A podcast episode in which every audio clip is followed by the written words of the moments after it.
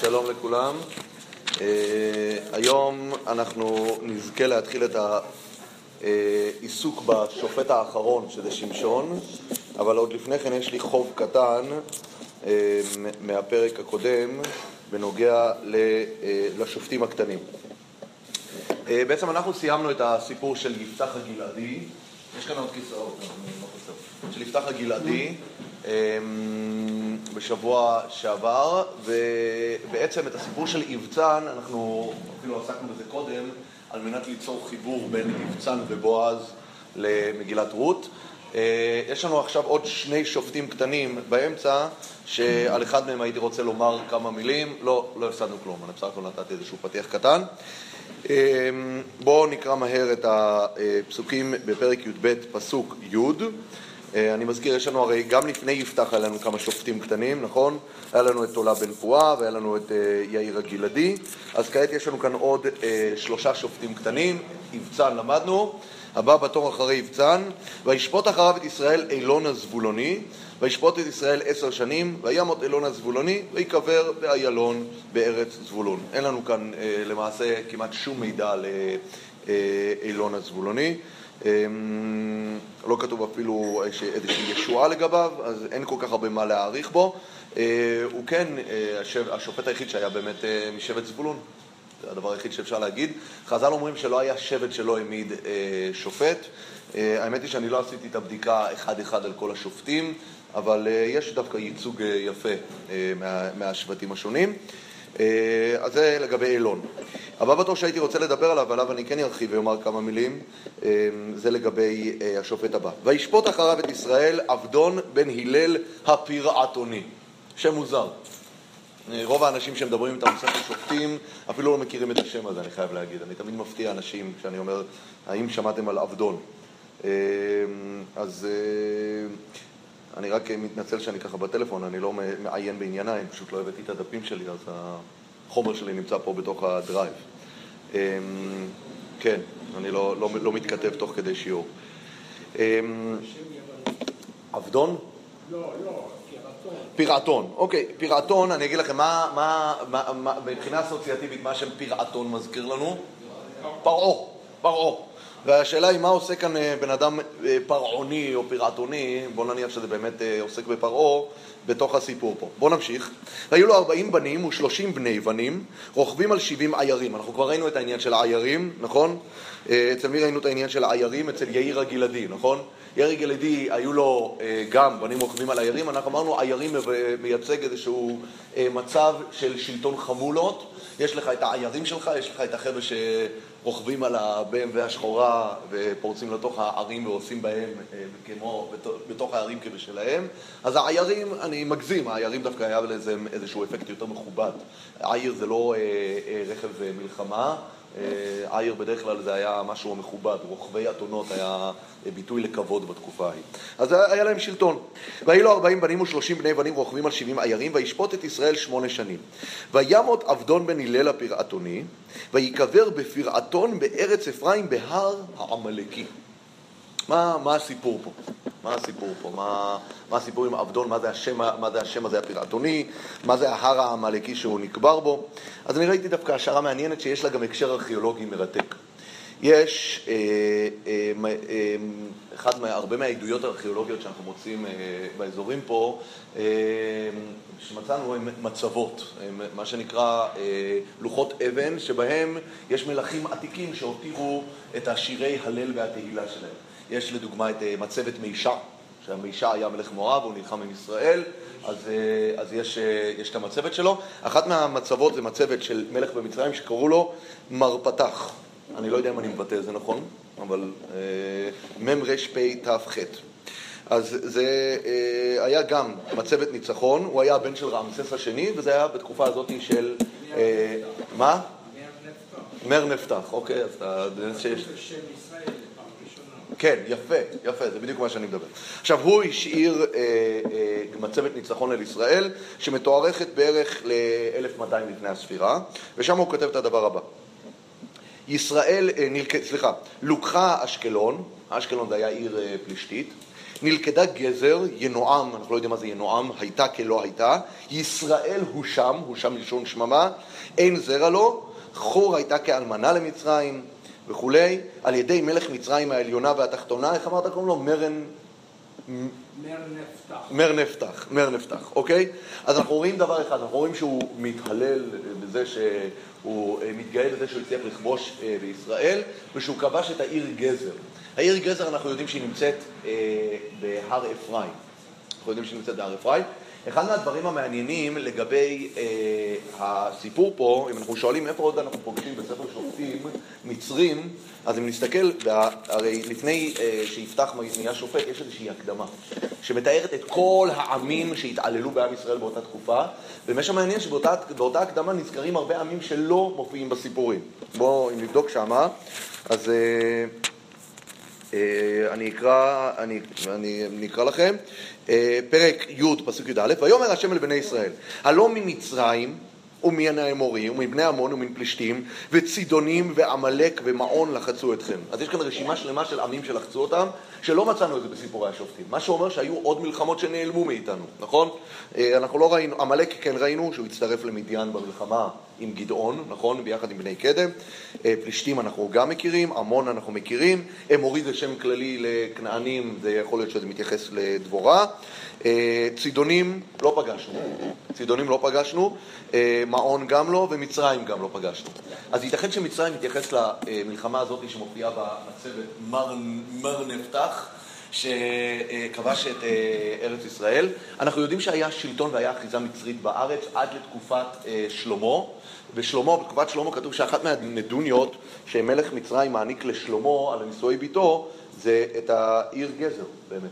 את העיר גזר שהייתה בשליטה מצרית. זאת אומרת שיש התאמה בין מה שכתוב במצבת הארכיאולוגית לבין מה שכתוב בתנ"ך, שהעיר גזר הייתה עיר אה, מצרית.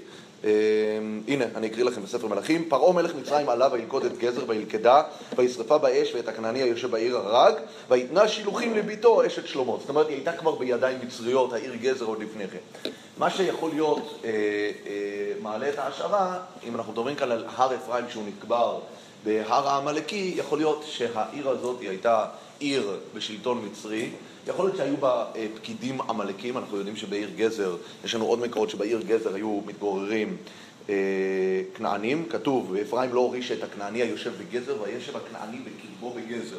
עכשיו, עמלקים גם יכולים להיחשב כנענים. עמלקים הם אה, נספחים תמיד לעמים אחרים. עמלקים גם נקראים הרבה פעמים כנענים.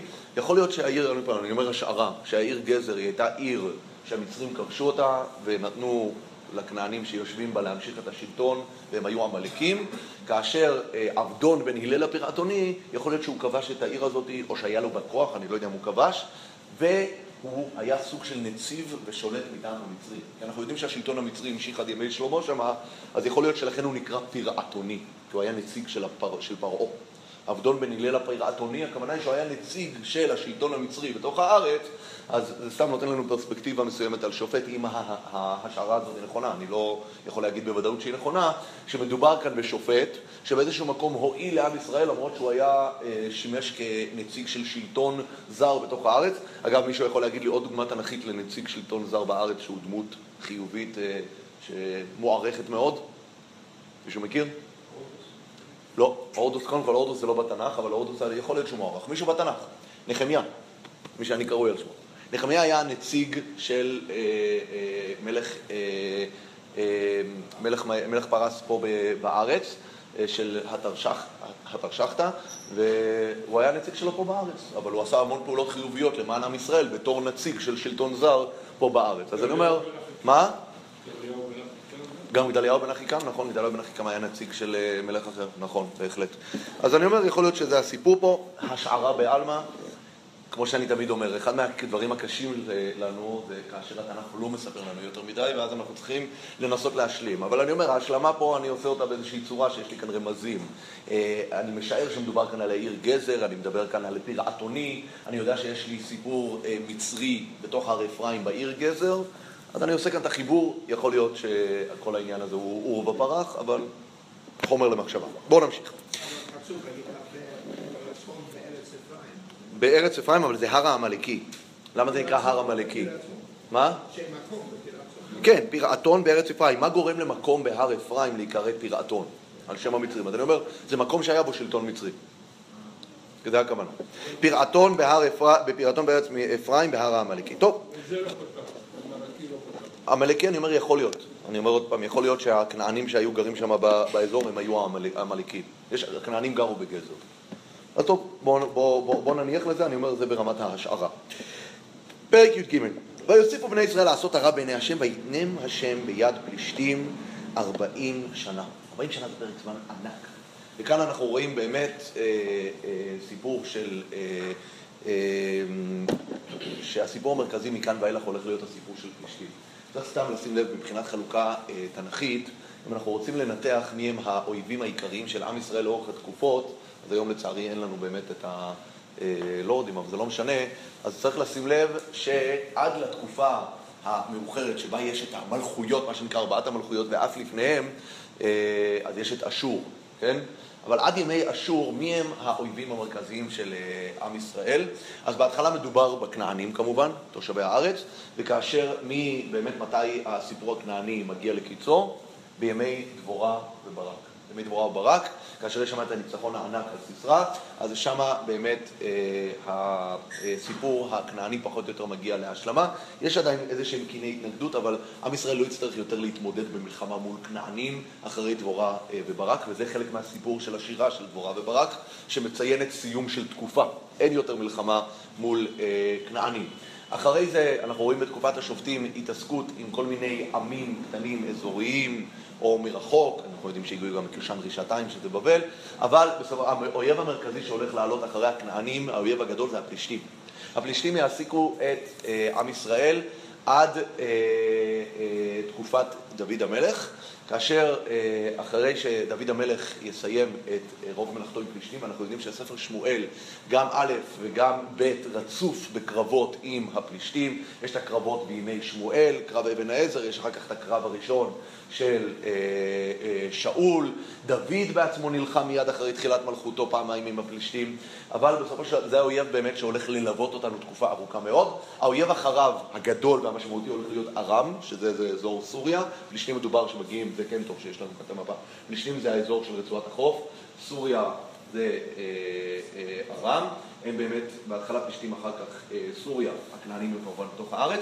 אחרי שיסיימו לנצח את ארם במלחמות שבתוך, כבר בתוך במלכים א', אפילו תחילת מלכים ב' אפשר להגיד. בתקופה של אחאב ואחריו יש את המלחמה מול ארם, כמה מלחמות עם ארם, האויב הגדול הבא יהיה אשור כבר.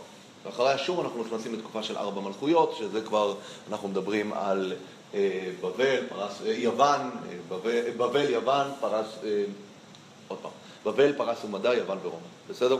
אז אה, זה פחות או יותר החלוקה, וכאן אנחנו בעצם פותחים, הסיפור הזה של שמשון הוא תחילתה של תקופה של התמודדות ארוכה ומתישה מאוד עם פלישתים. כשמדברים כאן על 40 שנה, אני לא חושב שזה סתם מספר.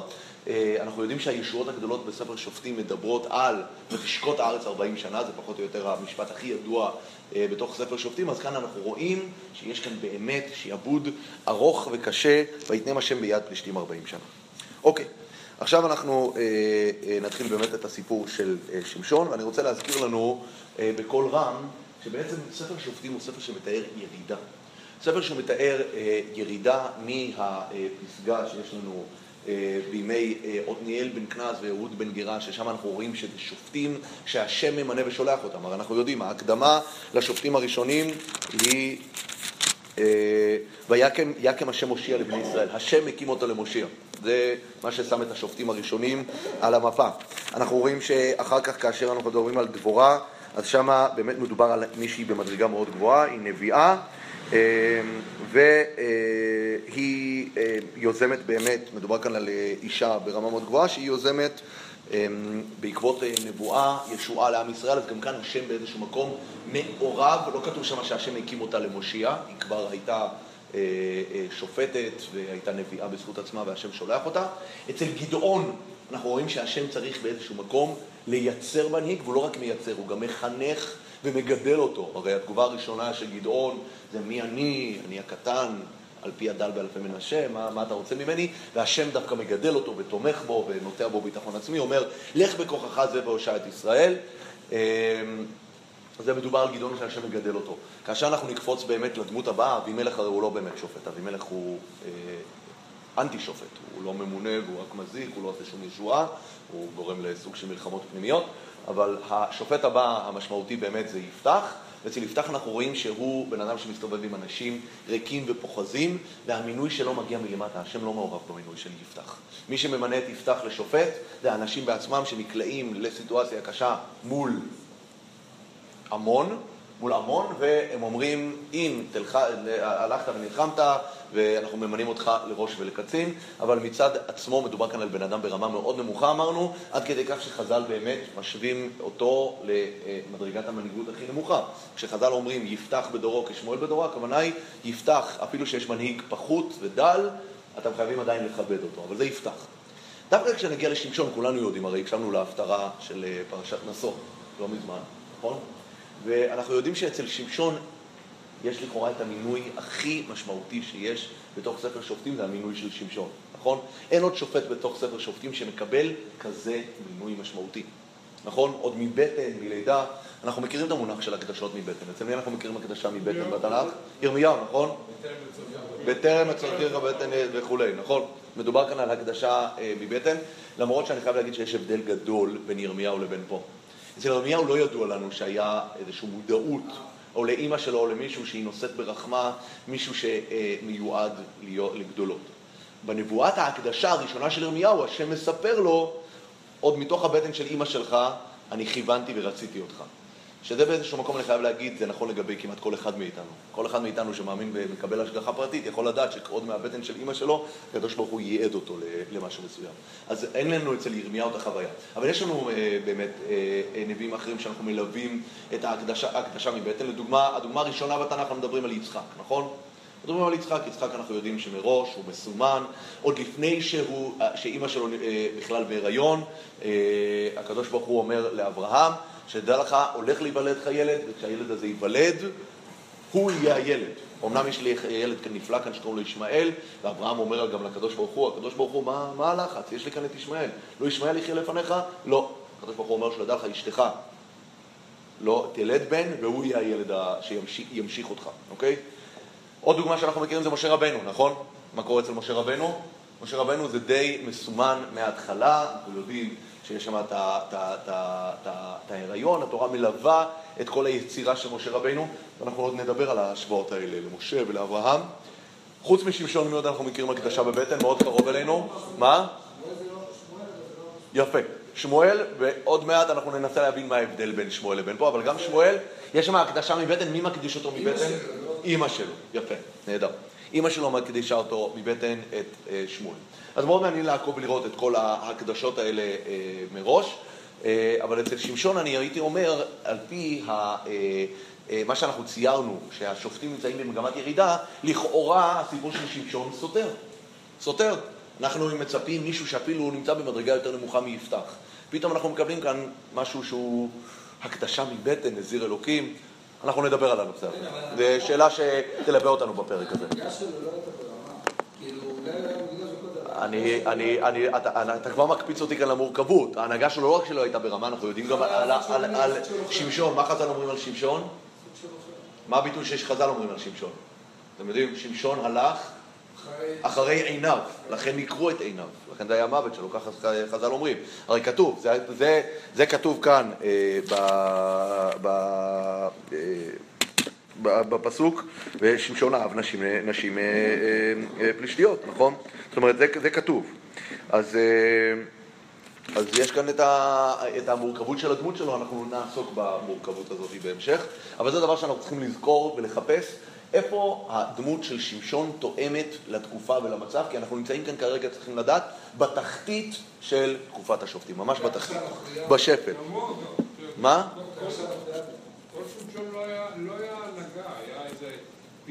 סיירת מטכ"ל. איזה סיירת מטכ"ל? רמבו. סופרמן. מישהו שעושה את הכל לבד. זה לא, אין, שמשון אין לו צבא, שמשון הוא איש אחד שהוא גם צבא והוא הכל. בסדר, אנחנו נדבר על כל המוטיבים האלה, זה מעניין. טוב, עכשיו, אני כן הייתי מבקש, אני עכשיו אקרא את הפסוקים, ואותי מעניין לשים לב, בפסוקים שאנחנו קוראים כל הזמן, זו שאלה שלפעמים אני צריך לעשות עם תלמידים כשהם מלמדים אותם אה, לשון, מי הנושא של הפרק פה? מי הוא הדמות המרכזית והדומיננטית כאן בפרק? וזה אחד מהדברים שצריכים לצלצל לנו מאוד מאוד חזק פה כשאנחנו מדברים. בואו נראה את הפתיחה. ויהי איש אחד מצורעה ממשפחת עדני ושמו מנוח, ואשתו עקרה ולא ילדה. מי הנושא? האיש. האיש, נכון, פשוט מאוד, בדרך כלל, וזו הפתיחה. הפתיחה תמיד אומרת לי, אגב, הפתיחה הזאת למה היא דומה? למה שיהיה לנו עוד כמה פרקים בתחילת ספר שמואל, נכון? ויהי איש אחד מרמתיים צופים מהר אפרים ושמואל קנה. נכון? כאן, ויהי איש אחד מצורעה ממשפחת עדני ושמו מנוח. אז שמה ברור שהדמות, צריכים שמה בסיפור של אלקנה, הוא דמות משמעותית. פה בוא נראה באמת, אם הפתיח הוא, הנה, יש כאן איש, קוראים לו מנוח, ממשפחת דן, בואו נדבר עליו, בואו נראה אם באמת מדברים עליו. וירא מלאך השם אל האישה, אל האישה, כן? ואשתו הקרה ולא ילדה, וירא מלאך השם אל האישה, ויאמר אליה, הנה נא את הקרה, ולא ילדת, והרית וילדת בן. זאת אומרת, אני, אם הייתי מתרגם את זה לפסוק בן ימינו, הייתי אומר לכם את הדבר הזה. היו היה איש אחד שגר ברחוב וושינגטון 12, ויש לו אחות. יום אחד האחות שלו הלכה על מונית, והיה שם איזשהו סיפור מאוד מעניין במונית. אם אתה רוצה לספר לי על האחות, למה אתה מספר לי על האיש שגר בבניין פה? פה אנחנו, הפסוק הבא, אחרי שאנחנו, אה, הפתיח הוא מנוח, יש כאן איש אחד ויהי, איש אחד מנוח אה, אה, מצורעה, אבל פתאום אנחנו מדברים על האישה. ואשתו עקרה ולא ילדה, וירא מלאך השם אל האישה. ויאמר אליה, הננה את עקרה ולא ילדת, והרית וילדת בן. אז שאלה אחת באמת, מה, מה, מה, מה באמת הפתיח הזה, מה המשמעות שלו. דבר שני, מה זה וירא מלאך השם אל האישה, מה הוא אומר לה? קודם כל השאלה הראשונה, למה הוא נגלה? אל האישה ולא לבעל. עכשיו, בוא נגיד, במקרה היא הייתה שם כנראה באזור, המלאך היה באמצע לטייל, היא הגיעה לאזור של, של מנוח, במקרה האישה הייתה בחוץ, נכון? אנחנו נראה בהמשך הפרק שזה לא ככה. היא צריכה לעשות הכל מהנהגות לגבי. הוא גמר את התפקיד שלו, מנוח, ברגע שהיא בהיריון. רגע, היא עדיין לא בהיריון, איפה? היא כאן שום דבר, הרסת לכולם את המתח. הרסת לכולם את המתח, זהו. אה, אמ, אבל אה, אה, בוא נראה, שאלה מאוד משמעותית כאן, מדברים על מנוח ועוברים לאשתו, כן. אתה אומר את זה כי אתה יודע את זה, נכון? כולנו יודעים. מאיפה אנחנו מכירים את המשפט האלמותי? על מנוח. מה אנחנו יודעים על מנוח? נכון, לא הלך אחרי אשתו זה מסביר מה? מנוח? עם הארץ היה. למה? אני עוד מעט אסביר לכם. אגב, אני תמיד התייחסתי למשפט הזה כמשפט שוביניסטי שמעיד על מעמד האישה. אחרי שנלמד את הפרק אנחנו נבין את המשפט הזה בפרספקטיבה אחרת לגמרי. אבל החז"ל אומרים, מנוח עם הארץ היה, למה? כי הוא הלך אחרי אשתו. בואו נראה מתי הוא הולך אחרי אשתו, ואנחנו נבין את המשמעות כאן של הלך אחרי אשתו. כולם מבינים הלך אחרי אשתו, הכוונה היא, אנחנו מכירים חסידי גור, איך חסידי גור הולכים ברחוב? הוא הולך, עשר מטר מאחוריו הולכת האישה, אז זה מציב את מעמד, הבעל מקדימה, האישה מאחורה. אז אומרים מנוח, האישה הלכה מקדימה, הוא כנראה הזדלק מאחורה, וידבר והייתה מסתובבת, זורקת לו הערות, נותנת לו מכות קצת על הראש. היה גבר חלש, מנוח עם הארץ היה. זה לא הסיפור. בואו בוא, בוא נראה מה הסיפור פה. טוב.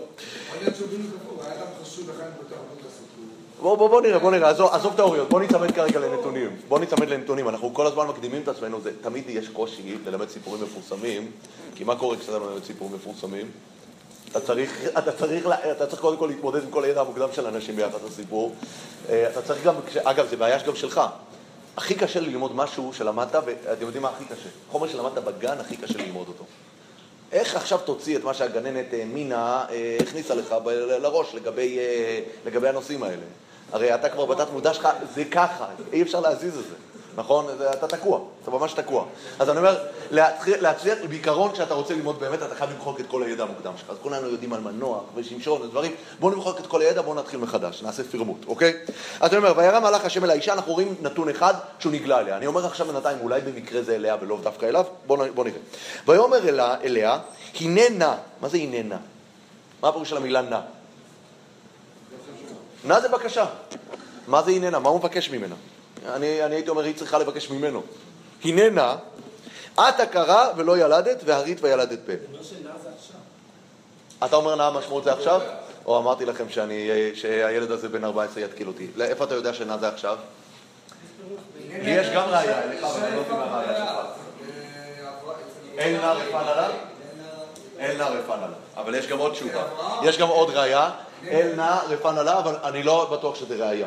אתה מביא כאן אה, הנחה ששואלת, הרבה אנשים שואלים, למה צריך לכתוב פעמיים נא? אז הכוונה היא אל נא בקשה, רפא עכשיו לה, נכון? אבל יכול להיות שזה בבקשה, אתה אומר בבקשה אלוקים, בבקשה. יכול להיות. פשטות אומרת שזה בבקשה. מה? פשטות זה בבקשה. הפשטות זה בבקשה. אבל יש לי, יש לי, יש לי אה, עוד ראייה, לא משנה, אבל אני אומר, אני לא בטוח שזה ראייה. אני, אני חושב שזה יותר דרוש מאשר אה, פשט להגיד שאל נא רפא נא לה, הכוונה היא אה, רפא עכשיו לה, אבל בוא נראה. כאן אני, אתה, אתה אומר לה ואומר, הנה עכשיו את הכרה. הנה נא את הכרה, הכוונה הנה עכשיו את הכרה, ולא ילדת, והרית וילדת בן. הייתי אומר, הנה נערי את. אתה אומר כמו הננה ידעתי כי יפת מראה את. הננה ידעתי. נכון. אוקיי, הנה נא, אתה אומר אין כאן משמעות של הדבר הזה. בוא נראה, בוא נראה. אולי. אולי. בוא, בוא באמת תחשוב, מה זה הננה ידעת כי יפת מראה את? שם זה בקשה או לא? האם יש שם אפקט של בקשה? אה, יש שם בקשה. יש שם בקשה. מסתתרים. יש שם בקשה. יש שם מפרסמים. יש שם בקשה. את יפה.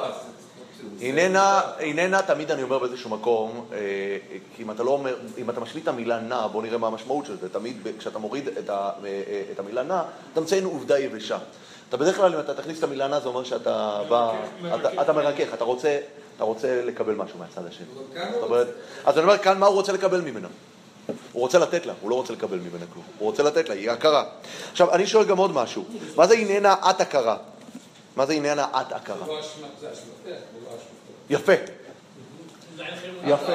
רגע, רגע, בוא נעשה דבר כזה. היום אנחנו יודעים לבדוק אם זה אשמתו או אשמתה. מה אנחנו עושים? הולכים למעבדה, נכון? יש כאן אה, מתפלל בבית כנסת הרב דוד פולד, שהוא תרם את מעבדת הפוריות בשערי צדק. הוא גם מוהל במקצועו, אז הוא מאוד אה, חשוב לו הילודה היהודית, אז הוא תרם שם את הדבר הזה. הולכים למעבדה שתרם הרב דוד פולד בשערי צדק, ובודקים אם הבעיה היא אצל הגבר אצל האישה. איך פעם היו בודקים אם הבעיה היא בגבר או באישה? יפה, מאוד פשוט, אחרי עשר שנים, האישה הולכת ודופקת אצל בית דין, והיא אומרת, רבותיי, אני רוצה ילד. נו, יושבים שלושת דיינים ואומרים לה, למה את רוצה ילד? אז היא אומרת, אם היא אישה מאוד מאוד אה, ככה רצינית וחשובה, היא אומרת, אני רוצה לקיים מצוות פרו ורבו. הדיינים אומרים לה, לכי, לכי מפה, את לא חייבת במצוות פרו ורבו. אם היא אומרת, תשמעו, אני רוצה מישהו שיטפל בי בזקנותי, זה הגמרא אומרת, אני לא יודע, הגמרא, אתם- יודעים, השלב של פוליטיקלי קורקט לא היה קיים בגמרא. אז הגמרא אומרת, כשיש גבר בבית והוא מזדקן, אז איך הגמרא קוראת לו? כמו פח. הוא עומד, הוא רוטן, מזיזים אותו ממקום למקום, עד שהוא לא, לא עוזר לאישה. ובדרך כלל הנשים מזדקנות הרבה יותר טוב מאשר גברים, אין מה לעשות, נכון? אבל היא אומרת, ואז הגמרא אומרת, האישה אומרת, תשמעו, אני לא יכול, כי הרי אומרים לה, תשמעו, תשמעי, יש לך את הגבר, למה צריכה ילד?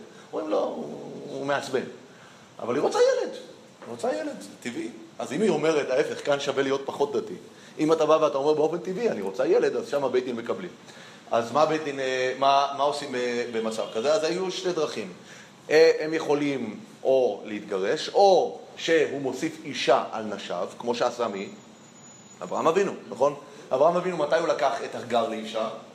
אחרי עשר שנים שהוא בא לארץ, נכון? אנחנו יודעים שהמשנה מקום משנה מזל, משם לומדים את ההלכה הזאת, אחרי עשר שנים הוא מוסיף אישה. ואחרי שהוא מוסיף אישה, באמת, מה אנחנו רואים אצל אברהם? שהגר באמת יולדת, מה שאומר, מה שאומר בעיק- בעיקרון, שהבעיה היא אצל שרה, נכון? אגב, הנושא הזה, האם הבעיה אצל שרה אצל אברהם, קיימת גם שם הוויכוח הזה, נכון? כאשר המלאכים באים לשרה, מה היא אומרת? ואדוני זקן. ואדוני זקן, נכון? כאשר המלאכים באים אה, לאברהם, כן? אז מה הם מספרים? הם לא רוצים לעשות שם סכסוכים בין הזוג. אז מה, מה הם אומרים? מישהו, מישהו יודע לצטט? מה הם אומרים לאברהם? בתחילת פרשת וירא, נכון? היא אומרת, ותצחק שרה בקרבה לאמור, אחרי בלותי הייתה לעדנה ואדוני זקן, נכון? אמ, אה, בפרשה הקודמת, אמ, בואו נמצא את זה, זה רש"י מדבר על זה, זה לא אני אומר. אמ, מה? י"ז, כן. בהקימות, אה, טוב, לא משנה, אתם תמצאו את זה, רש"י- רש"י כבר מעיר את ההערה הזאת, שכאשר שרה מציגה את הדבר, היא תולה את האשם בו, כאשר מדברים עם אברהם, מציבים את האשמה בה, אוקיי? אז אני אומר, אה, הסיפור מי אשם זה תמיד אה, מעסיק אה, את הדברים האלה בגדול. מי אשם? אני לא יודע מי אשם. מי אחראי למצב הזה? אז אני אומר, פה אצל מנוח. אין להם ילדים, נכון? נו, מה הבעיה? אין להם ילדים. תיקח אישה נוספת. קח אישה נוספת, מה הבעיה? תבדקו, תיישבו את העניין. למה מנוח לא לוקח אישה נוספת? אז אני אומר, יש כאן חידוש. עד עכשיו הם היו סבורים שמנוח הוא הבעיה. הם היו סבורים שמנוח הוא הבעיה, אוקיי? בגלל מנוח אין להם ילדים. אם מנוח הוא הבעיה, אז מה המקום לספק? תבדקו את העניין הזה, נכון? תבדקו את העניין. מה הבעיה לבדוק את העניין? תיגשי, גברת אשת מנוח, אנחנו לא יודעים מה השם שלה, מישהו יודע מה השם שלה? מה השם של אשת מנוח? אשת מנוח, אני שמעתי אה, את אה, הרב אמנון בזק באחד מהשיעורים טוען שהשם האמיתי של מנוח, אתם יודעים מה השם האמיתי שלו? אנחנו נראה את זה בהמשך הפרק. השם האמיתי של מנוח זה הבעל של אשת מנוח. זה השם האמיתי שלו. כי היא, היא באמת הדמות המרכזית פה. אבל היא לא זוכה לשם, שזה גם שאלה מעניינת. מה פתאום מה יוכל אשת מנוח לא זוכה לשם? חז"ל אומרים שהשם שלה זה הצלל פוני. הצלל פוני. היא מופיעה בדברי הימים, בדברי הימים א' פרק ד', היא אחת מבנות שבט יהודה. אה, קוראים לה הצלל פוני, שם יפה, כנראה ש... אה, לא... בכל מקרה, פה אצלנו לא טרחו להביא את השם, והלא דבר פה. למה לא מביאים את השם שלה? זו עוד אחת מהשאלות שיעסיקו אותנו. למה אשת מנוח לא זוכה כאן לשם? אבל אנחנו רואים כאן דבר אחד, שמנוח אה, כנראה לא הייתה לו בעיה להוליד ילדים, היא הייתה הכרה, ועדיין ביניהם העניין הזה לא... לא התקדם משם. הם העדיפו להניח, כמו שאומרים אצלנו, להניח בצריך עיון ולהמשיך את חייהם. מה, היא לא רוצה ילדים? מה, מה, מה הסיפור? הוא לא רוצה ילדים. טוב להם. למה טוב להם? כי הם שוודים, כמו היום בשוודיה, אנחנו יודעים הרבה אנשים בעולם המערבי, לא מביאים ילדים. מה, אני לא יודע. טוב, בוא נראה. בוא נראה. נכון. תראה, אה, שלמה המלך אומר, עת ללדת, עת לזה, נכון? בואו נמשיך. אז הוא אומר, הוא אומר לה, הנה, נעת קרה ולא ילדת, והרית וילדת בן. ועתה, היא שמרינה, וחשוב לנו לעקוב אחרי הציוויים. ואל תשתי יין ושיכר, ואל תאכלי כל טמא. ציווי ראשון, ציווי הרגיל של, של נזיר, יין. ואל תאכלי כל טמא, לא לאכול טומאה, לשמור על הלכות טומאה. כי הנך הרע ויולדת בן, ומורה לא יעלה על ראשו. אנחנו מכירים את הסיפור של שמשון? אין, לא נוגעים בשיער. כי נזיר אלוהים יהיה הנער מן הבטן, והוא יחל להושיע את ישראל מיד פלישתים. מה זה יחל להושיע? תחילת ההושעה, למה? כי אנחנו יודעים שהסיפור של פלישתים, כמו שאמרתי לכם בהקדמה, הולך ללוות אותנו עוד הרבה שנים. אז מי הדמות הראשונה שמתחילה באמת ככה לכסח את פלישתים כמו שצריך? זה שמשון. האם שמשון הושיע אותנו מיד פלישתים? לא הושיע. הוא התחיל להושיע. אפרופו, אם אנחנו מדברים על שם, דיברנו למה לאשת מנוח אין שם, מה, אנחנו נראה עוד מעט שהשם של שמשון הולך להיות שמשון. מה זה שמשון? מה הפירוש של השם הזה? שמש. שמש קטנה, נכון? שמשון. למה שמש קטנה? שמש קטנה, שמש קטנה זה, מתי יש שמש קטנה? מתי במשך היום יש שמש- קטנה? בזריח, לא. בזריחה או, ב, או בשקיעה, באחד מהשתיים. יש את השמשות הקטנות האלה, לפעמים אתה מסתכל בשקיעה, אתה רוצה, רואה לפעמים את השמש, ממש נראית בגודל של הירח, הרי יש תקופות שנמצאים ביחד, נראה ממש אותו גודל. צהריים אי אפשר להסתכל על השמש. אבל אני אומר, בזריחה אה, או בשקיעה יש שמש קטנה, ואני אומר, אני חושב שאחד מהשאלות שיעסיק אותנו זה שמשון, האם שמשון מבטא שמש קטנה של תחילת היום, של זריחה, או שמש קטנה של סוף היום. אבל הוא שמש קטנה. מה? הוא יחל, הוא התחיל, נכון. נכון, נכון, הוא התחיל. בואו נראה, ותבוא האישה ותאמר לאישה, נכון? לבעל שלה, לאישה, לאמור. וכאן בואו נראה איך היא מצטטת, האם באמת היא נותנת דיווח מהימן. ותאמר לאישה, אני? לאמור, איש האלוהים בא אליי, ומראהו כמראה מלאך. עד אנחנו נראה את זה בסוף הפרק, הם לא יודעים האם מדובר במלאך או בנביא. והיא אומרת, בא אליי איש אלוהים, מראהו כמראה מלאך. האלוהים. נורא מאוד. נורא מאוד. מה הכוונה נורא מאוד? מה היא מספרת לנו? שהיה מעמד מלא הוד. היה כאן, אנחנו נראה בהמשך גם במפגש שלו מול מנוח, האיש נורא. זאת אומרת, הוא מפחיד אותה. נכון? הוא מפחיד אותה. הוא באמת גורם לה ללחץ עצום. אנחנו נראה שלאורך כל הפרק, המפגש של האישה, ואחר כך של האישה ביחד עם מנוח, עם איש האלוהים, שבסוף מתברר להם שהוא מלאך, הוא מפגש מלווה בלחץ ובאימה. מלווה בלחץ ובאימה, אוקיי? איש אלוהים בא אליי ומראהו כמראה מלאך האלוהים נורא מאוד, ולא שהלתיהו אי מי הוא, ואת שמו לא הגיד לי. לא שאלתי אותו, למה לא שאלת אותו? למה? היא בלחץ אימים. היא בלחץ אימים, היא לא במצב עכשיו להתחיל לשאול אה, שאלות. מי אתה? מאיפה אתה? מה? כי הוא לא נראה בן אדם, הוא נראה משהו יוצא דופן, משהו מפחיד. נכון, אנחנו נראה. אז כאילו, אתה פוגש כזה מחזה מפחיד ונורא הוד, אפשר, אפשר להעלות את המזגן, זה בסדר. להוריד, כן, אפשר, אין בעיה. ולא שהלתיהו אי מזהו ואת שמו לא הגיד לי. מה? היא לא אמרה לו כלום. היא לא אמרה לו כלום, היא עומדת, אבל שאני אומר, אם נצייר לעצמנו את התמונה, איך זה נראה הדבר הזה, נמצאת שם אשת מנוח, מגיע אליה אותו מלאך, הוא כנראה נראה משהו יוצא דופן, ההופעה וכל ה... מה שמסביב הוא יוצא דופן, הוא אומר לה, הננה, יורה, לא, לא, זה, יורה לה פקודות, וזהו, תם, הולך. היא, היא באמת בלחץ אימי מהדבר הזה. ויאמר לי, הנך הרב יולדת בן. ועכשיו שימו לב, מה ה... איך, הוא, איך, איך היא מביאה את ה... מצטטת את מה שקרה שם. ועתה, אל תשתי יין ושכר, ואל תאכלי כל טומאה, כי נזיר אלוהים יהיה הנער מן הבטן עד יום מותו. במה שונה מה שאומרת האישה למנוח ממה שאמר לה המלאך? עד יום מותו יוסיפה, יוסיפה, הייתי אומר ביטוי אחר, היא החליטה, היא שינתה. מה, המלאך אמר לה? נזיר יהיה, ומה? הוא יחל להושיע את ישראל. מה היא אומרת? עד יום מותו, היא לא מספרת לו בשביל מה הילד הזה מגיע. עוד דבר, עוד שינוי שהזכירו פה? מה, הוא, מה היא לא אמרה לשמשון? מה היא לא אמרה למנוח? סליחה? לא, היא אמרה את הדינים, היא אמרה חלק מהדינים. היא אמרה לא לשתות יין, היא אמרה לא לאכול טומאה. מה היא לא אמרה לו? על השיער. בוא נראה. היא לא אומרת לו על השיער כלום. בוא נראה. ויאמר לי, הנה הנך- חרה ויולדת בן, ואתה אל תשתי יין ושכר, ואל תאכלי כל טומאה, כי נזיר אלוהים יהיה הנער מן הבטן עד יום מותו. היא לא אומרת לו על השיער. מה המלאך אמר לה? הוא מורה, לא יעלה על ראשו. אז אולי היא שכחה? מה? אה, שנייה, הוא אומר, תירוץ יפה. הוא אומר, היא מדברת על הציוויים שנוגעים אליה. נוגעים אליה, לא נוגעים לנער. תן לי להשאיר את הנושא הזה בסימן שאלה, אוקיי? איזה ציוויים, לא- אתה אומר הציוויים שנוגעים אליה כרגע זה טומאה ויין, אבל הציו- הציוויים שנוגעים לתספורת, הם נוגעים רק לילד, אבל האמא בוודאי שמותר לה להסתפק. לא? שנייה, שנייה, שנייה, יש כאן הערה חשובה, זו הערה חשובה. בוא נשים לב, נזכור את הדבר הזה. בוא נמשיך. בעצם כמעט נזיר, אבל לא נזירה. מה? כמעט נזירה, אבל לא נזירה. לא, אני אדבר איתך בלומדס. יש, לא, אני אומר, זה ממש בלומדס. יש מושג, מי שנזיר פה זה הילד, אבל כרגע כאשר הילד נמצא בתוך בטן אימו, כן, הרי מדובר כאן על נזיר שהוא קדוש מבטן, אז זה לא שהאימא נזירה.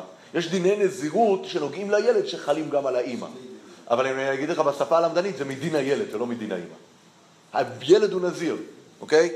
אז דיני, כן, דיני הנזיר של הילד, דיני הנזיר של הילד, החפצה של הנזירוס פה זה רק בילד. אבל זה משפיע על ההתנהגות של האימא, אוקיי? מה? עישון משפיע. ודאי, ודאי, אותה. ודאי. מה זה? נכון, בוודאי, בוודאי, בוודאי, בוודאי. אבל אני עוד רגע רוצה לראות, ואני רוצה, אולי אתם תנחשו את זה לבד, איפה יש ציוויים שנוגעים גם למנוח פה, אבל בואו נראה.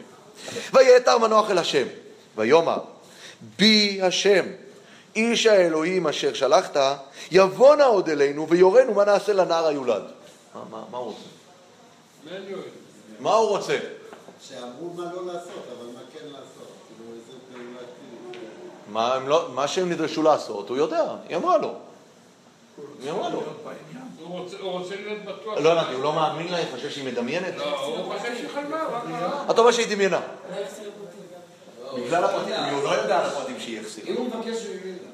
מה? מבקש עוד, לא אומר בכלל הוא מבקש עוד? זאת אומרת שיש לו כאן לא, סימן... אני אומר, יש לו כאן סימן שאלה גדול על מה שקורה פה כנראה. אני לא יודע מה הסימן שאלה. או שהוא לא האמין לה, או שהוא רוצה להבין את הסיטואציה יותר. לא ברור לנו. הוא רוצה שידור חוזר.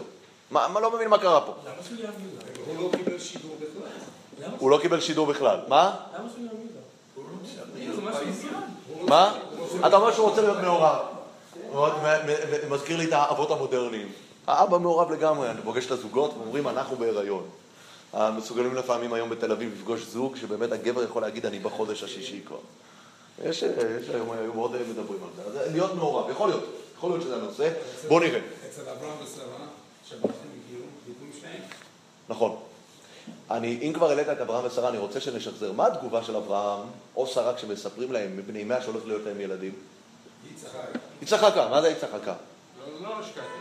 אתה אומר נער, השקעת, אבל אברהם, אצל אברהם כשהוא צוחק, מה רש"י אומר צחק?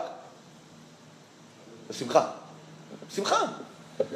אני אומר, אני הייתי מצפה שיהיה כאן איזשהו מוטיב, ונראה את זה לאורך כל הפרק, אין כאן שום מוטיב של שמחה או של התרגשות מצד בני הזוג, מנוח ואשתו, וואו, הולך להיות לנו ילד!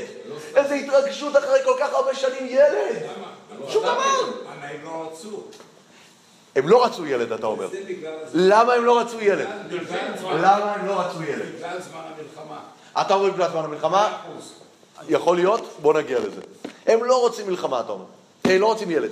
אני הרי לפני כן הבאתי עוד הוכחה, אני הבאתי עוד הוכחה שהם לא רוצים ילד, נכון? אמרתי למה הם לא בודקים? יש לכם כאן עקרות, יש לכם את הדרכים שלכם לבדוק את זה. תוסיפו עוד אישה לסיפור כאן, ותבדקו.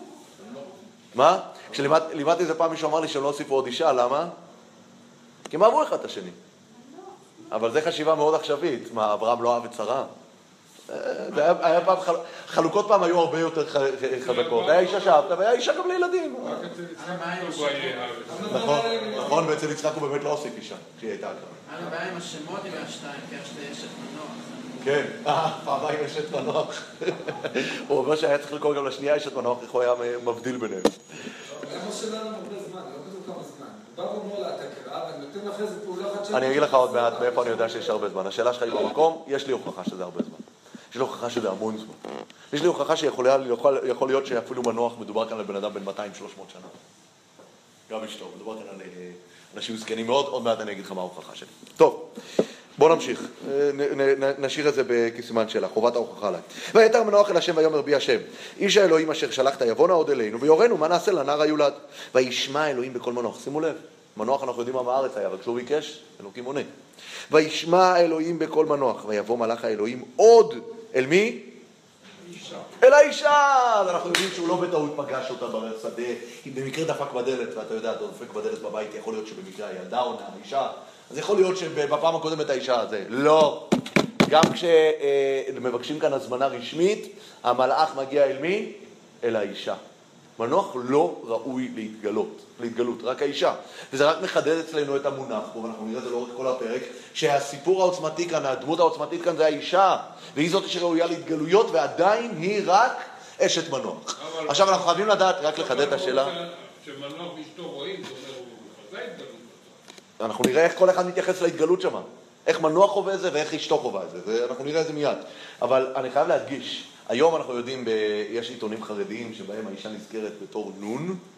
אה, הבדיחה הייתה, הייתה אומרת שבי"א חשוון כולם עולים, עולים לקבר ריש אימנו. ככה היו אומרים אצלנו. רחל אימנו, ריש אימנו. כי לא מזכירים אישה בשמה.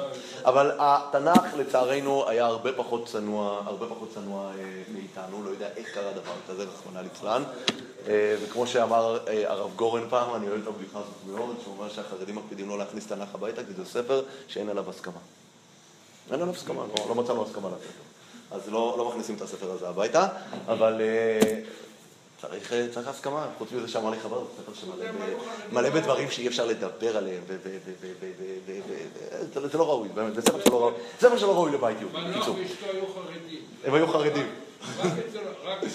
למה אין נשים לאשתו? למה אומר, לא, אתה אומר, אבל אני אומר, מכיוון שאנחנו יודעים שספר התנ"ך הוא לא ספר חרדי, הוא ספר יהודי. הוא ספר יהודי שעוסק, ב... אין לו שום בעיה להזכיר שמות של נשים, אין לו בעיה אה, אה, להיות אפילו גרפי הרבה פעמים לגבי נשים ו- ולתאר בפרוטרוט. פה אנחנו אה, יודעים שאם לא מזכירים את השם שלה, יש לזה סיבה. ואני אומר, מה עוד שלא מזכירים את השם שלה כשהיא הנושא של הפרק. וזה מחזיר, לנו שוב פעם את השאלה, אם היא הנושא של הפרק, למה לא מתחילים את הפרק? ותהי אישה אחת מצרעה, צעד של אלפוני שמה, ותהי הכרה לא ילדה. ככה אני הייתי פותח את הפרק הזה, אבל בואו נמשיך. אה, מה? בואו, לא היא ולא הוא, אבל עד שמגיע שמשון עדיין קיים כאן נושא. ודאי ששמשון הוא הנושא הגדול. אה, עם ישראל זה הנושא גם, אני יכול להגיד. הקדוש ברוך הוא זה הנושא, אבל אני פה מדבר כאן באופן, כרגע הסיפור הוא לא שמשון, כרגע הסיפור הוא איך שמשון מגיע לעולם, ואנחנו צריכים להבין מי הדמות המרכזית. רצית לומר משהו? לא, לא, אוקיי, בוא נמשיך. וישמע אלוהים בקול מנוח, ויבוא מלאך האלוהים עוד אל האישה, והיא יושבת בשדה ומנוח אישה, אין עימה, מדגישים. אם מנוח היה איתה, מה היה קורה? המלאך היה אומר, לא, לא, לא, לא מתאים לי. אני, אני מצטער. זה לא, זה לא רק שאני במקרה אנסה לסדר את זה כדי שהיא תגיע, אם הבעל נמצא שם, אני לא שם, אוקיי? ותמהר האישה, ותרוץ, ותגד לאישה, ותאמר אליו, הנה נראה אליי האיש אשר בא ביום, אשר בא ביום אליי. יש לי אותו האיש שסיפרתי לך עליו, הנה הוא, בוא. ויקם וילך מנוח אחרי אשתו. זה המשפט שהרב חז"ל אומרים. מכאן שמנוח עם הארץ היה. מה זה וילך מנוח אחרי אשתו? בואו נמשיך. ויבוא אל האיש, ויאמר לו, אתה האיש אשר דיברת אל האישה? ויאמר אני. הוא מדבר עכשיו על מלאך האלוהים, כן? הוא לא יודע שזה מלאך אלוהים, הוא חושב שזה איש. הוא אומר לו, אתה דיברת על אשתי? הוא אומר לו, כן. ויאמר מנוח, אתה יבוא דבריך מה יהיה משפט הנער ומעשהו. אני רוצה לדעת מה לעשות עם הילד הזה. זאת אומרת, מה היה חסר לו לפני כן? מה עושים עם הילד, נכון? הוא ידע אבל מה עושים עם הילד, האישה אמרה לו, אז מה אנחנו חוזרים למצב שהוא לא מאמין? היא כן אמרה לו, היא אמרה לו, לא, אני לא צריכה לשתות יין, אני לא יכולה לאכול טומאה, הילד כשהוא ייוולד הוא יהיה נזיר מבטן עד יום מותו, נכון? מש- היא משמיטה את זה שהוא יושיע את ישראל, היא משמיטה את זה שהילד לכשהוא ייוולד לא יעלה מורה על ראשו, אבל היא סיפרה לו מה לעשות, אז מה, מה הוא מבקש לדעת מה לעשות? מה המטרה? מה הוא מבקש? מה זה, מה יהיה משפט הנער ומעשהו? יפה. יפה, יפה. בשביל זה אנחנו צריכים לעשות דבר מאוד פשוט, בפשט. מה היה חסר שהאישה לא אמרה למנוח? את המטרה. הרי היא, מה הוא אמר לה? הוא אמר לו, מורה לא יעלה על ראשו, נכון? והוא מה? יחל להושיע את ישראל מיד פלישתים. כשהאישה מספרת את זה למנוח, היא משמיטה את הפרטים הכי משמעותיים פה. בשביל מה צריך את הילד הזה? וגם מנוח, שימו לב, אני ממשיך את הקו שהתחלנו כאן ביחד עם משה, מנוח לא רוצה ילדים. עוד שנייה ננסה להבין למה. אז אם כן, הוא בא, היא באה ובעצם, האישה מגיעה אליו בלחץ טבעי ואומרת לו, תשמע, המלאך בא ואומר לי, תשמעי, חייבים לסדר אצלכם ילד, אוקיי? חייבים לסדר אצלכם ילד, המנוח, השאלה הראשונה שהוא ישאל זה בשביל מה? כל עוד את לא אומרת לי בשביל מה, העסק הזה לא, לא נראה לי הגיוני. אני רוצה, אני רוצה לדבר עם הדבר הזה, נכון? זה כמו, בתחושה שמדברים כאן על הנושא, זה כמו שמישהו דפק אצלי בבית ואמר לי, תשמע, אתה צריך לאמץ כרגע ארבעה ילדים קמבודים בני ארבע. אני אשאל למה? בשביל מה? מה- למה אני? למה אתה מביא עליי את התיקים האלה עכשיו? אז היא הולכת למנוח, מנוח לא מבין, הוא אומר, אני רוצה פגישה מחודשת עם הנציג, שאמר לנו שאנחנו צריכים לטפל בתיק הזה, בוא, אני, אני רוצה להבין מה, מה הסיפור, מה, למה? לא עם הקו שלך, בגלל המלחמה. אברהם עשה אותו דבר, הוא פרש מאשתו. אנחנו נדבר על אברהם עוד רגע. אוקיי, עכשיו הלך הלאה, עכשיו אתה אומר שיהיה לו ילד שיתחיל להושיע את ישראל, זאת אומרת, הוא לא יגמור, הוא ימות. הוא יתחיל, הוא ימות. אוקיי. אני לא רוצה. אני לא רוצה חצי עבודה. אני לא טוב, רוצה להיכנס לכל... אני מקבל את מה שאתה אומר. אתה, אתה, אתה אומר כאן רעיון, יפה, רעיון יפה. אתה אומר רעיון יפה. אתה אומר, אני לא רוצה, אני לא רוצה ילד שיפול בקרב ושיעלם. אם ילד, אז ילד עד הסוף. כן. והרי אני לא הבאתי ילדים, אתה אומר, כי פחדתי מהמלחמה, מהמצב הקשה. עכשיו, אני חייב להגיד משהו אחד, כן הערה על, ה- על המהלך שאתה אומר. לא כתוב כאן שהייתה מלחמה יוצאת דופן יותר משאר הדברים שהיה כאן, לא כתוב גם מלחמה, כתוב שישראל היו משועבדים לפלישתים, נכון מה הביטוי? אה, הביטוי הוא, ויתנם השם ביד פלישתים 40 שנה, זה ביטוי שמופיע לפחות שש שבע פעמים עוד קודם, נכון? מי שנכנס להיסטוריה, מה שהפלישתים עשו ישראל, כן. זה היה זוועה. אוקיי. לא יכלו ללכת בכבישים, היו צריכים להסתתר. זה מופיע לגבי מדיין, לא לגבי פלישתים. לגבי מדיין. מדיין. מדיין, שירת דבורה. זה לא לגבי פלישתים, אבל עוד פעם, יכול להיות שאתה צודק, אני לא אומר, אני, אבל, אבל אתה אומר לא רצו להביא ילדים לעולם כי אין סיבה, והוא מזכיר כאן את עמרם. את עמרם, שזה, אני עוד אשתמש בביטוי הזה. מה, למה אתה הזכרת את עמרם? כי אצל עמרם אנחנו גם יודעים שהוא פרש מאשתו. והוא אמר, בשביל מה להביא ילדים? כל הבן הילוד היורת השליחו לו, השליחו. בא אליו ביתו ואומרת לו מה? שלך קשה משלהם, שהם גזרו רק על הזכרים, ואתה גוזר על כולם, גם על הנקבות, לא להביא ילדים לעולם בכלל, נכון? אז זה סיפור שמה של מרים שמופיע אצל חז"ל, אוקיי? בואו נמשיך. ויאמר מנוח, אתה יבוא דבריך, מה יהיה משפט הנער ומעשהו? עכשיו שימו לב. אנחנו מצפים, הרי מה חסר לנו בדברים של אשת מנוח? יחל להושיע את ישראל, מורה לא יעלה על ראשו. בוא נראה מה המלאך עונה לו. ויאמר מלאך השם אל מנוח, מכל אשר אמרתי אל האישה, תשמר. מכל אשר יצא מגפן היין, לא תאכל. ויין ושחר, אל תשת. וכל טומאה, לא תאכל, כל אשר ציוויתיה תשמור. מישהו רוצה להגיד לי על מי הוא מדבר פה בפסוק הזה? יפה. אם היה כאן אה, עוד פעם דוח, הייתי יכול להציג, להגיד לכם. הפסוק הזה מתפרש בשתי משמעויות. משמעות אחת היא נקבה נסתר. אני מדבר עכשיו על אשת מנוח. שימו לב, אני קורא את זה ותקשיבו לצלצול. מכל כל אשר אמרתי אל האישה, תישמר היא. היא תישמר, כן? מכל אשר יצא מגפן היין לא תאכל. מי? האישה. ויין ושכר אל תשת, היא לא תשתה. וכל טומאה אל תאכל, היא לא תאכל. כל אשר ציוויתיה תשמור, מי תשמור? היא תשמור. זה פירוש אחד. פירוש שני, שימו לב, הוא מדבר אל מנוח. והוא אומר לו, מכל אשר אמרתי אל האישה, תשמר, מי תשמר? אתה. מכל אשר יצא מגפן היין לא תאכל, אתה. ויין בשכר אל תשת, וכל טומאה אל תאכל. כל אשר ציוויתיה, תשמור, אתה. למה? מה פתאום שהוא ישמור את הדברים שישמור? מה... יש כאן כפל משמעות מאוד מאוד מוזר. אגב, מבחינה דקדוקית זה עובד לגמרי אותו דבר, אי אפשר להכריע. אני אומר, זה אחד מהפסוקים שאין להם הכרעה, על מי הוא מדבר? מדבר עליה או מדבר עליו? מאוד מאוד מוזר. ממנו אין שום השפעה על הילד. אצלה יש השפעה על הילד. אז זהו, אני אומר, אצלו זה אפילו לא, אין בזה היגיון. לפני כן דיברנו, למה אני חזרתי להערה של דניאל? דניאל אמר לפני כן, הסיבה שהוא לא אומר לאישה, אה, שהאישה לא מספרת למנוח על זה שלא יעלה מורה על ראשו, אומר כי זה לא נוגע. זה משהו שקשור לך שייוולד הילד. היא מספרת לו רק את הדברים שעכשיו צריך לעשות.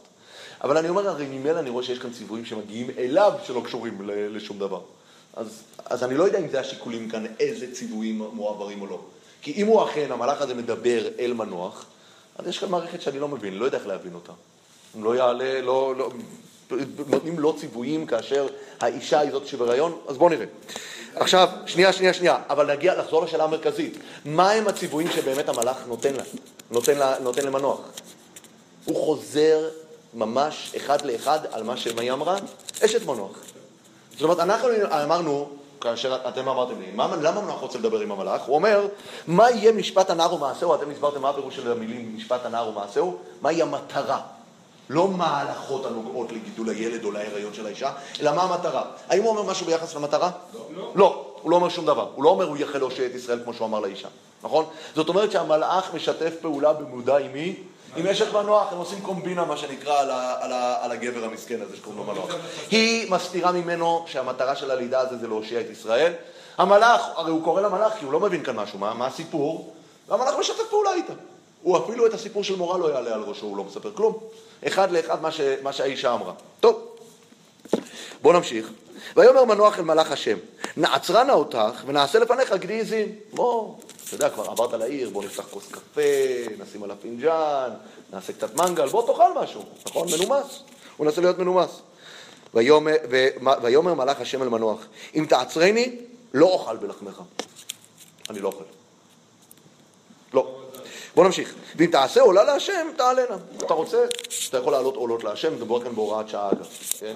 הוראת שעה להעלות עולה, הרי ב- ב- בתקופה הזאת של שילה כבר יש אה, מקום קבוע, יש כבר את האיסור במות, אבל יש כאן הוראת שעה. עכשיו מסיים את הפסוק, כי לא ידע מנוח כי מלאך השם הוא. לא ידע מנוח כי מלאך השם הוא, כן. לא, לא הבנתי? כן. אני בתפקיד, כן. נכון, נכון, בוודאי, מלאך, זה לא רק שם דולי, מלאכים לא אוכלים. בדרך כלל, יש יוצא דופן אחד שמלאכים אכלו.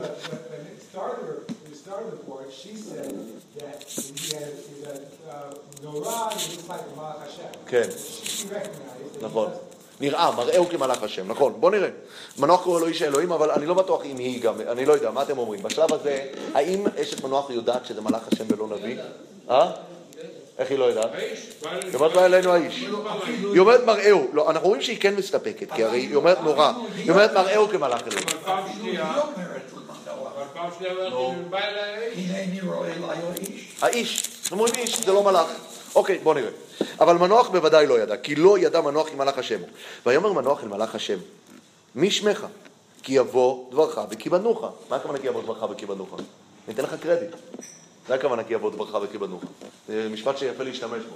בוא אדוני, נתת תרומה יפה, כי יבוא דברך, ואתה, אם אתה תיתן לנו תרומה, כי יבוא דברך וכיבדנוך, נשים שלט גדול מעל הבית, בבית הזה נולד ילד בתרומתו הנדיבה של המלאך, או הם לא ידעו שהוא מלאך.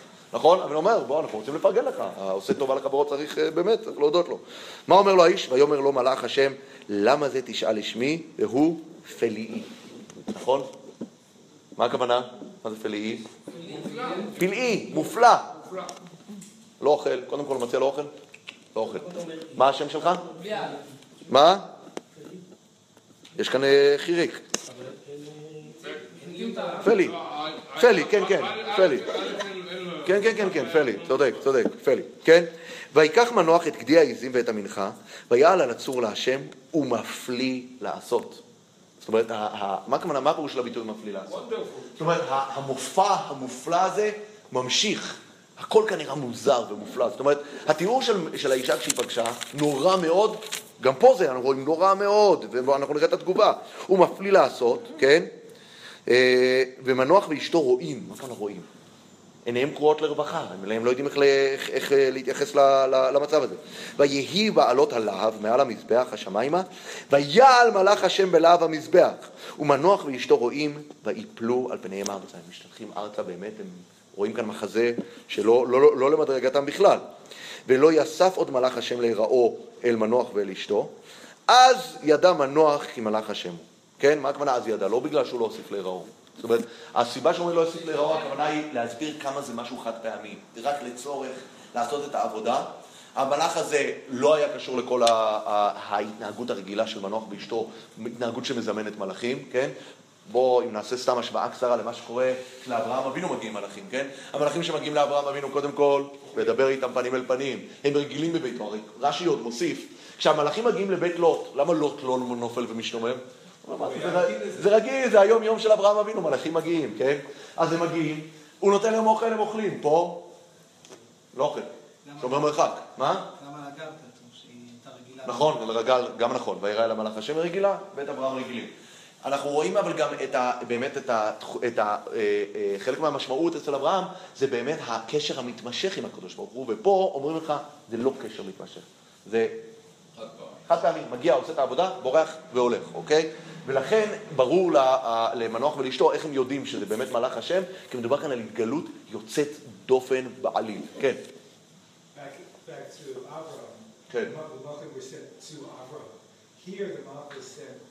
Ishmael. נכון.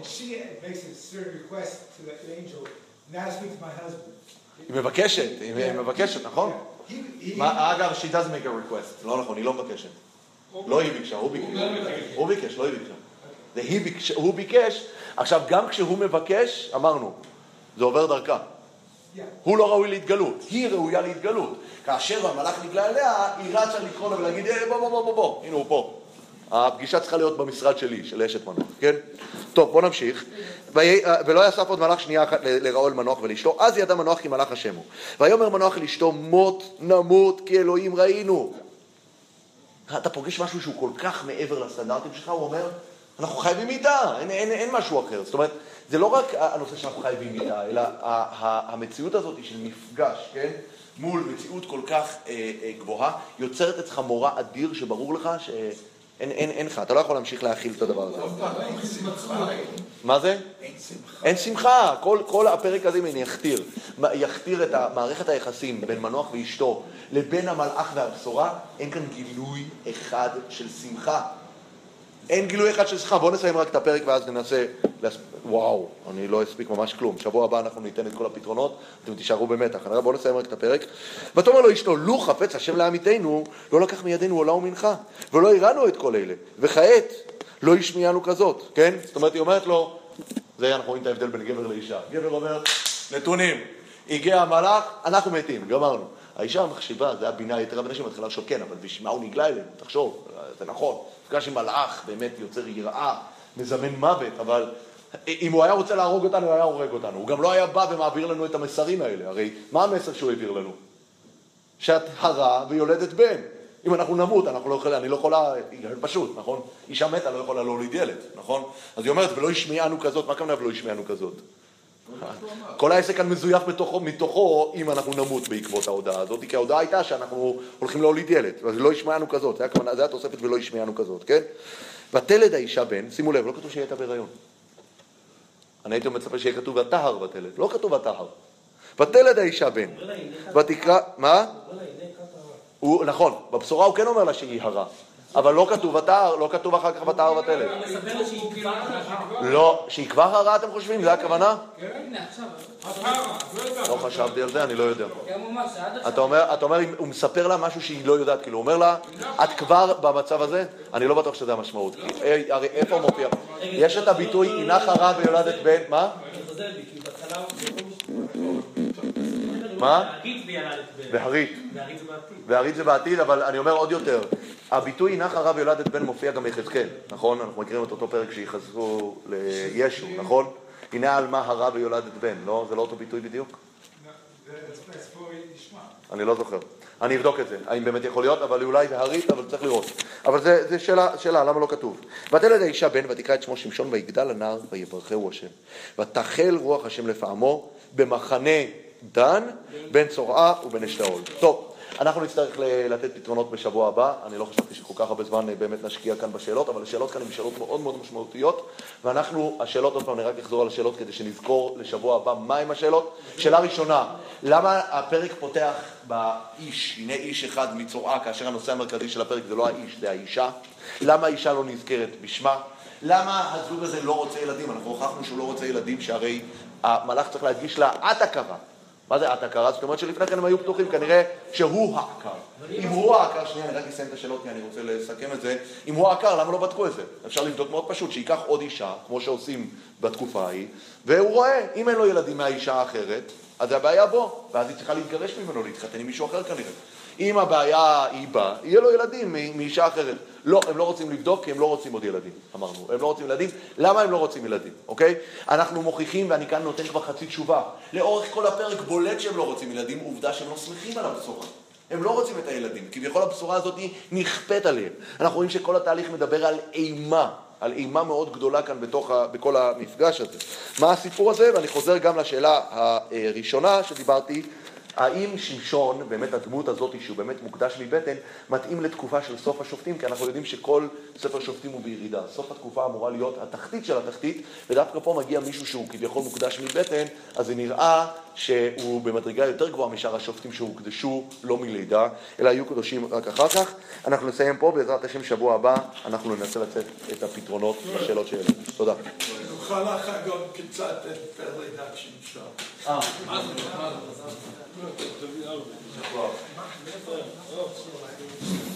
מה?